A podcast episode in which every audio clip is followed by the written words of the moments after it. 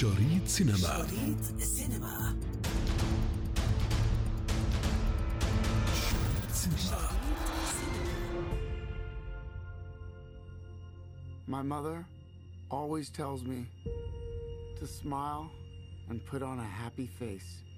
حز فيلم جوكر الجديد على إشادة بالغة أثناء عرضه الأول في الدورة السادسة والسبعين لمهرجان فينيسيا السينمائي الدولي وحظي الفيلم بثمان دقائق متواصلة من التصفيق داخل قاعة العرض. ويتوقع العديد من النقاد أن نجاح فيلم جوكر في المهرجان مؤشر على منافسته المبكرة في موسم الجوائز السينمائية بل قد يكون بطله واكين فينيكس من أبرز المنافسين على جائزة أوسكار العام المقبل. واجتاز الإعلان النهائي لفيلم جوكر 21 مليون مشاهدة بعد مرور ثلاثة أيام فقط على طرحه في موقع يوتيوب I'm asking not for an erasure of our enormous debt, but for its restructuring. I'm sure we're going to do good work. La réussite de votre programme sera aussi notre réussite. كرم مهرجان البندقية المخرج الفرنسي المولود في اليونان كوستا جافرس لإسهاماته المبدعة في تطوير السينما المعاصرة كما عرض المخرج الحاصل على جائزة أوسكار فيلمه الجديد Adults in the Room بشأن أزمة الدين اليونانية وكرم المهرجان المخرج البالغ من العمر 86 عاما والمشهور بفيلميه Z و Missing who came back. You seem hardly to have aged at all.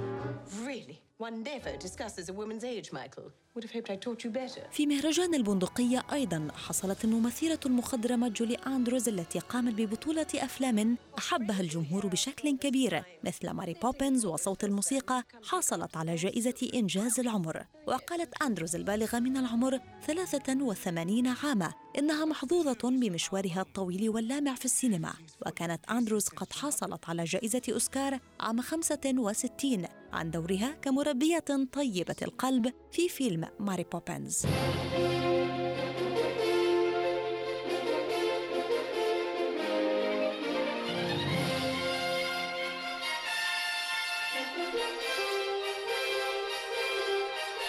أعلنت إدارة مهرجان القاهرة السينمائي الدولي أن المهرجان سيكرم في دورته الحادية والأربعين المخرج وكاتب السيناريو البريطاني تيري جاليام بجائزة فاتن حمامة التقديرية عن مجمل أعماله تقديرا لمسيرته المهنية الممتدة لأكثر من أربعة عقود. وسيتم عرض فيلميه برازيل وذا هو كيلد دون كيخوتا وتبدأ أعمال الدورة الحادية والأربعين لمهرجان القاهرة السينمائي الدولي يوم العشرين من نوفمبر المقبل.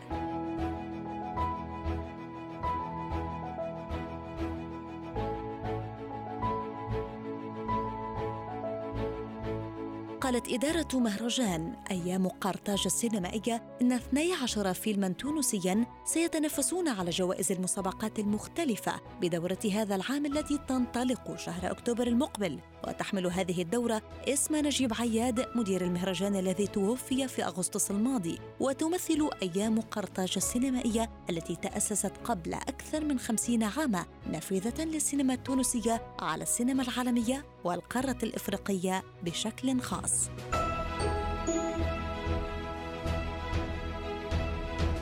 الأسبوع القادم شريط سينمائي جديد. شريط سينما. شريط سينما.